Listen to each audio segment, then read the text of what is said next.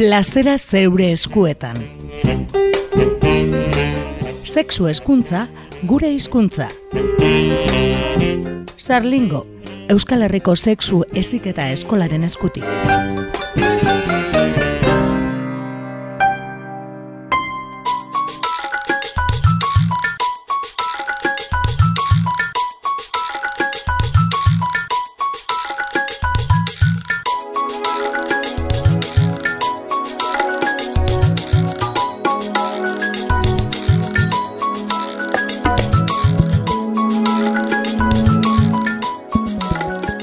Plazera zeure eskuetan irratitartea irekiko dugu Bilbo iria irratian. Euskal Herriko sexu eziketa eskolarekin elkarlanean egiten dugu ir, dugun irratitartea dugu hau. Eta gaurkoan amaia urre jola batu zaigu, sexologoa, hau pamaia.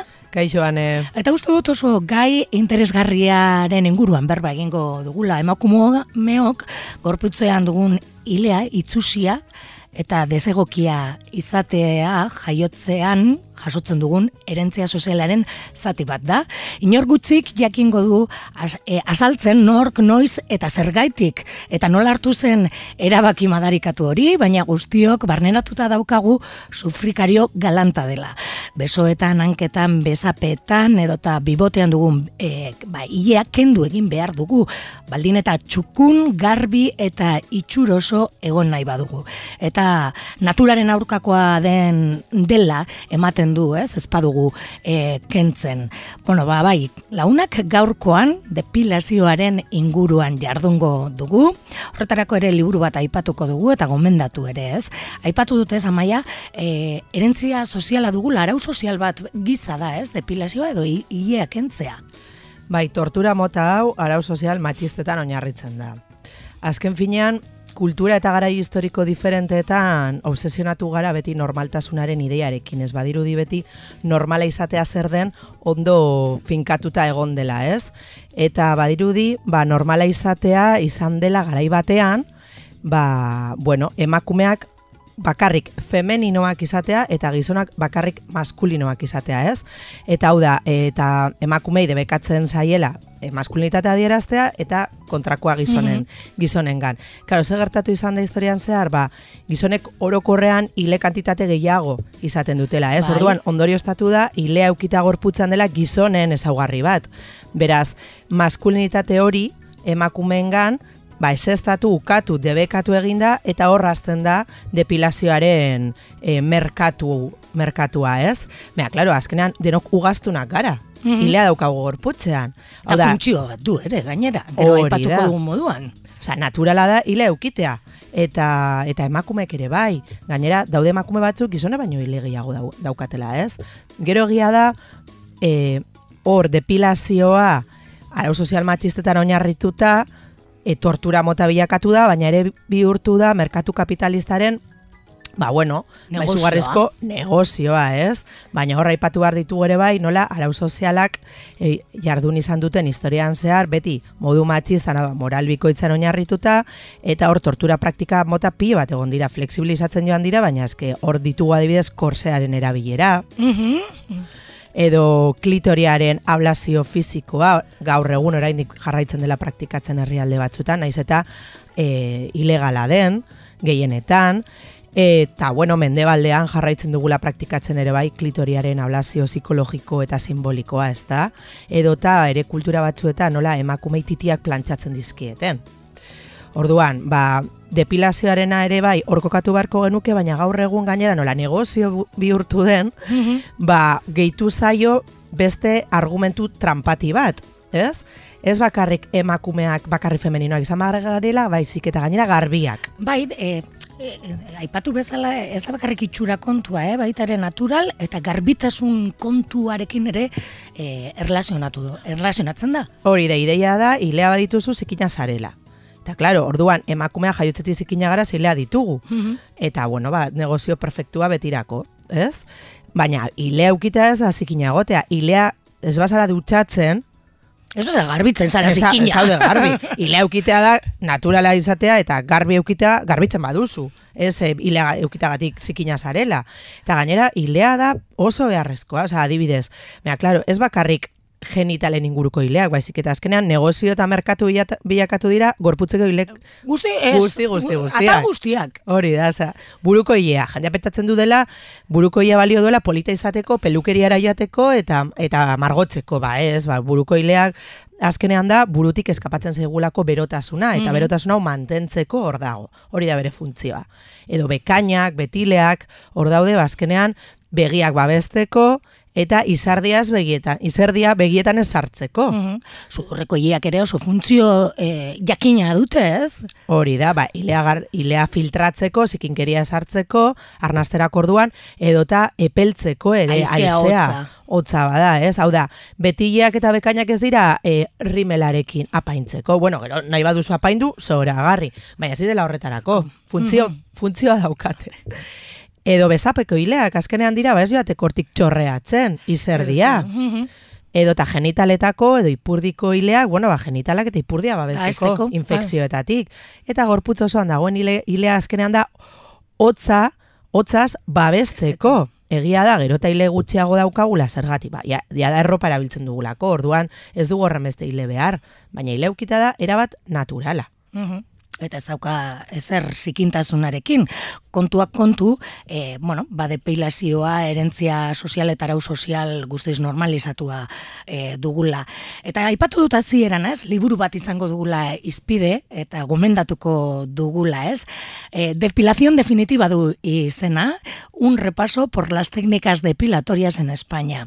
Ensaio bat dugu, Maria Barbak egina eta prologoa itziar zigarena da. Eta, bueno, ba, hainbat kontu interesgarri aipatzen ditu liburuak. Eta beldurgarri. Eta beldurgarriak, bai, bai, bai, ala da, ala da. Azkenan egiten du depilazioaren ibilbide historiko bat, ez? Egia da, e, bueno, gero guk, e, go, e, ai, bueno, animatuko diogula Mariari ja, e, idazteko jarraitzen, bai. ze geratu zaigu pixkat, motz, ze gaur egungo depilazioaren inguruan ez du jarduten, beraz, guk animatzen digu jarraitzeko idazten. Bigarren liburu bat eh, egin beharrekoa da. Argitaratzeko. Bueno, berak aipatzen duen gauza holan garrantzitu bat hasiera batean liburuan, ez? Oraindik ez dakigu noiz kokatu zehazki depilazioaren praktika. Mm, karo, askotan depilazioaren merkatuan jarduten duten enpresek ba, diote ba, egipziarren garaitila da depilatzen ginela emakumeok ez dela egia, baina ere askotan e, uste izaten dugu gileten iragarkiak existitzen hasi zirenetik depilatzen garela, ere ez dela egia. Mhm. Daramatzagu mendeak eta mendeak depilatzen, baina ez dakigu zehazki non kokatu. Eta egia da ere bai, azkenean e, ezagupen eta ikerketa hauek ba, oinarritzen direla ba, Europan eta estatu batuetan, hau da, mendebaldean, ez? Beste leku askotan ba, ez daukagu ezagupena, ez? Baina egia da, eta gauza oso garrantzitsu bat, eta beldurgarria esan dugun bezala, hogei garren mendera arte, egon diren e, depilatzeko metodoak gure bizitza arriskuan jarri dutela. Eta goaz aipatzera poliki-poliki, zeintzuk izan diren.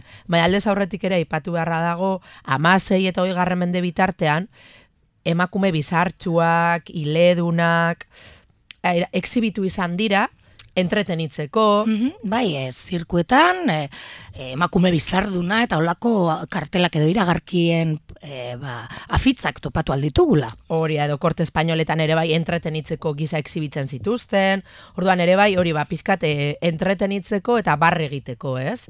Erabili izan dira emakumeak hileak dutenean gorputzean, hau da, deno ditugula.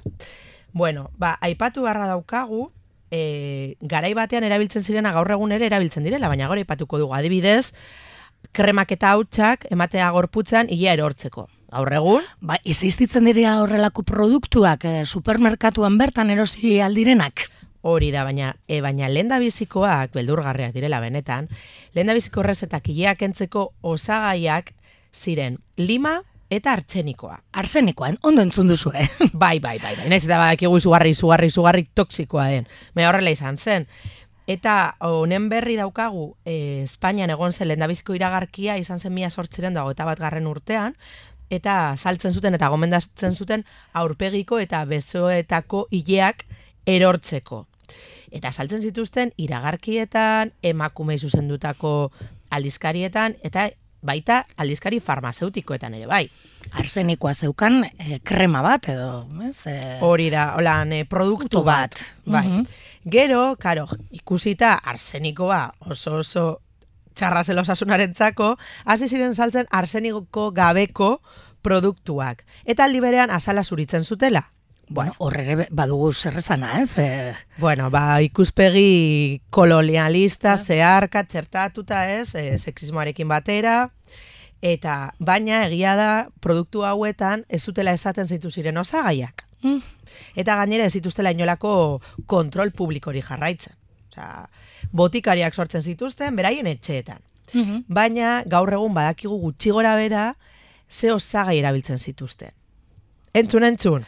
A ver, ia ba, a ver, ze. Cal viva, sulfidrato de sosa, edo acetato de talio. Bueno, ikusiko dugu zer zer bueno, esan nahi duten osagai horiek. Kalbi ba dut badakigula, ba, e, bueno, hori erre egiten zaituela, ez? Claro, adibidez gorputzak, ez? Mm -hmm. hau da, e, ilobira bota baino lehen, batzutan kalbi ba erabiltzen da, edo eta Andaluzian ere bai, azkenean, e, etxeak zuritzeko ere erabilizan dira.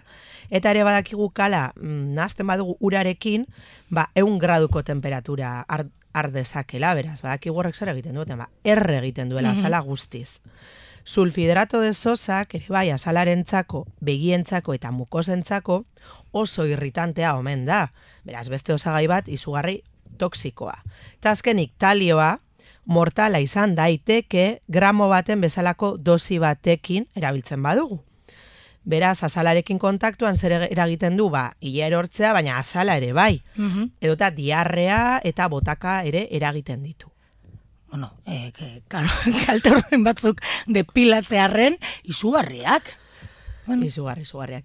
hor daukagu ez, esaldi famatu bat, ere Eurovision era joan zela e, abeslari espainol bat, mm. neska txiki gazte bat, ez? Antes muerta que sencilla. Bai. Hau da, nahiago dugula hilda egon, e, natural joan baino, ez? Hau da, natural emakumeak hilearekin. Bueno, hor dago gure imaginario kolektiban oraindik, ez? Bueno, ze izan zen urrengoa? Bueno, ba, barbaridadea jarraitu zuten aurrera. Zekero izan zen frikzioaren bidezko depilazio. Hau da, metodoa zen, ziren eskularruantzeko borobil batzuk ikatzarekin sortuta, eta ikatza azalaren kontra, e, bueno, frikzioa eragiten zen, hau, berau, esfoliatzeko. Hau da, zer lortzen zuten? Ba, alarrutzea. Ba, bai, guztiz, eh, azala kendu, iria kendu, baina azalarekin batera. Dena, dena, dena kendu. Eta gaur egun ere saltzen dira antzeko metodoak, metodo ekologiko gisa depilatzeko. Mm Beraz, bueno. Gero egia da, egon zela garai batean, depilazio alderdi publiko batetik pribatura pasatu zela berroi garren amarkadatik aurrera, eta etxean egiten zirela errezeta kaseroak. Baina, gero etorri zen beste metodo berri bat, izan zela elektrolizia teknika. Hau da, deskarga elektrikoen bidez, bulbo kapilar bakoitza erretzea. Ileak erortzeko. Bueno, gaur egun, hau ere egiten da. Egiten da. Bai. Hori da, karo, e, aurreratua dago teknika. Teknika asko zere hobeagoa izango da. Ez da izango, dugu. uste dugu, iza, ez da izango hain abrasiboa, baina bueno, horregatik animatzen diogu Mariari jarraitzeko... Jarraitzeko be, bere bigarren liburua, ez? Hogei, garren men, hogei, hogei, hogei, bat garren mendera ere iristea, ez? Hori da. Eta, bueno, egia da, egin direla oso ikerketa gutxi, bai, hile kantitatearen inguruan, are gutxiago emakumen arduraren inguruan ilea kentzearen inguruan, eh, zergatik kendu, e, zer eragiten duen horrek negatiboki gorputzean, edo eragiten duen zeo zer negatiboki edo ez. Eta ere bai, garai batean, ba, medikuak e, elektroliziaren erabilera asko kritikatzen zuten, irutzen zitzaiolako tontokeri bat, gauza serio entzako erabili behar zela metodo hori, Hala ere, batzuk, bueno, ba, emakumeen kontu, kontura, diru asko irabazi zuten, teknika hori erabiliz. Beraz, bueno, emakumeak torturatzen, diru asko irabazi dute gizon askok. Urteetan. Eta urrengoa zen izan zen, bueno, ba, radioterapia. Mm Egia da radioterapia e, erabili izan zela hipertrikosia zuten kasuetan. Hau da, hipertrikosia da azkenean gaixotasun giza kontsideratzen da, eta daukitea gorputzan e, ile kantitate oso oso oso exageratua. Mm -hmm. Bea, klaro, badirudi batez ere hau diagnostikatzen zela emakumeengan. Eta gizonengan.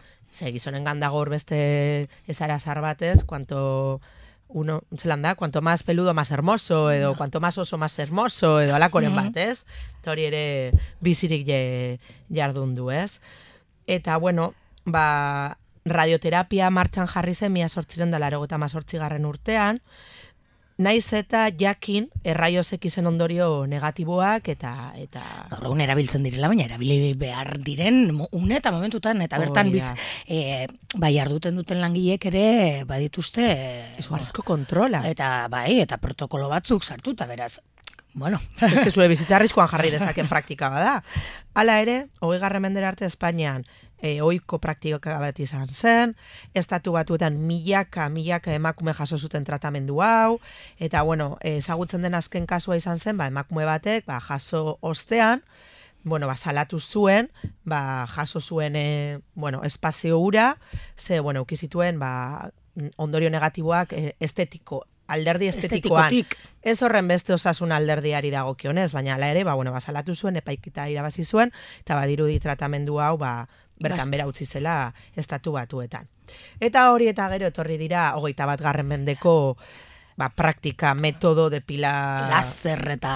Laserra, silkepilla, Ja. zera, e, luz pulsada, bueno, gaur egun, E, iku- e, egun, e, ba, bueno, emakumeek ezagutzen ditugunak ez, eta, e, eta martzan daudenak. hori eta dibe silkepilla, edo zerak, ba, bueno, ez dira, defi, ez dira depilazio definitiboa, baina oso mingarriak dira, dirua balio dute, hau da, e, bueno, nik uste gastatu dugun diru guztia eta sufritu eta torturatuak izan garen heinean, ba igual indemnizazio bat merezi beharko genuk emakumeok.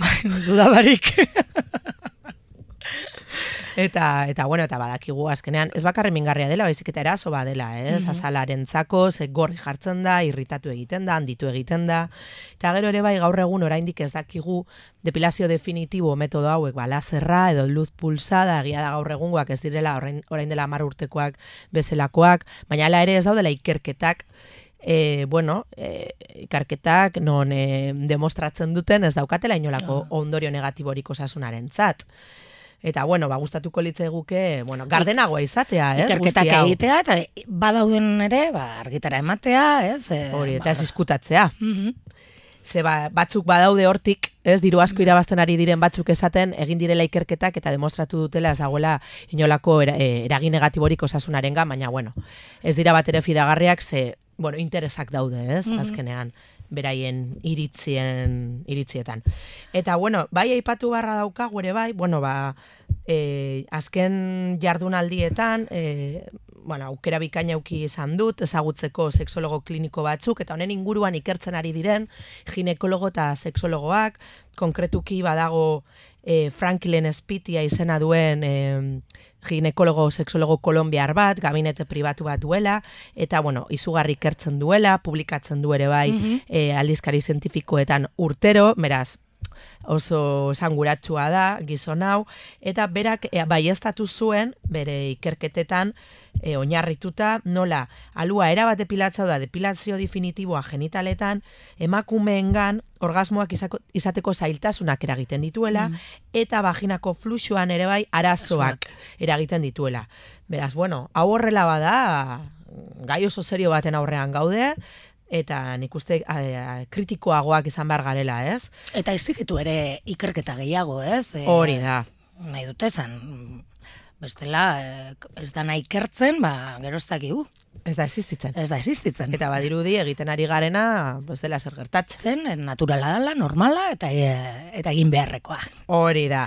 Eta bueno, e, 2012 amairu garren urtera arte, egin diren ikerketen arabera badirudi depilazioak ez dituela ondorio negatiboak emakumeen gorputzengan, osasunarengan, baina jada daramatzagu ordundik daramatzagu urte pilo bat laserra erabiltzen, luz pulsada, eta ez, ez Eta, dakigu. defili, eta de, depilazioa gehi- gehiago zabaltzen, ez? Ba, Hori igual da. osoa, eta abar, eta abar. Hori da, lu guztia, Ah. uski guztia, Ah, gorputz guztia, Orduan, bai, bai, praktikak ere, depilazioaren praktikak edatu egin dira, handitu, eta, eta, bai, horrere, bueno, beste hausnarketa bat igual izan litzateke, amaia ontsa etorri zai burura, eh, pornografiak ere ze, ze kalte egin duen, ez? Bueno, baina pornografia bezala pelikula guztiak. Guztiak, baita ere. Hau da, azkenean fikzio mota guztietan, e, gorputz guztiak agertzen dira hilerik gabe. Bai, bai, bai, eta gero orduan horrek dakar, ez? E, Karo, imaginario Edo, kolektibo bat, non e, daukagun gorputzen inguruko, azkenean, e, bueno, irudikapen bat dela erabat fantasiosoa, ez daukala Mm. zer ikusirik errealitatearekin, eta gero errealitatearekin, e, ba, azkenean, aurre egiten duzunean, ez, errealitatearekin konparatzen duzunean, badirudi, ba, zuri zo zer gertatzen zaizula. ez, ez zarela normala, txikiak dituzu, Duzu, ez? Aldiz kontrako izan barko litzateke, baina horretarako ere bain ikusten dut kritikotasuna gehiago suspertu behar dugula, Mhm. eta eta bere- gehiago bultzatu behar dugula, bai jendartean, bai hezkuntza formalean, eta bai familiengan, ez? Ba ere, filtratzeko ikusten ditugun produktu kultural guztietan, bueno, ba, irudikatzen dizkiguten gorputz guztiak, bai emakumena eta bai gizonenak, arau sozialetan oinarritzen direla, matxismoan oinarritzen direla, eta fantasian, oda, ez direla erralak. Orduan, bueno, ba hor lan asko daukagu egiteko, eta Mariari eskatuko diogu jarraitzeko lan bikain honekin aurrera, eta bigarren liburu bat argitaratzeko ere bai. Bo, e, azken hausnarketa honekin e, e, bukatuko dugu eta entzuleari ba, gomendioa e, depilación definitiva, un repaso por las técnicas depilatorias e, finales del siglo e, XIX, principios del 20 e, estatu espainolean kokatuta dago eta gero gainera ba, Maria Barba da e, ensaioaren egilea eta prologoa itzi arziagak egin du. Liburu gainera objektu gisa oso polita eta oso polita eginda eta dago. oso entretenigarria gainera. Bueno, ba, hemen txitziko dugu, interesgarria izan da gaur Mhm. eh, ekarri dugun gaia, e, egun barru, batuko gara berriro ere, hemen plazera zure eskuetan, irrati tarte honetan, eskerrik asko amaia. Eskerrik asko zuri. Plazera zeure eskuetan. Sexu eskuntza, gure hizkuntza. Sarlingo, Euskal Herriko sexu eziketa eskolaren eskutik.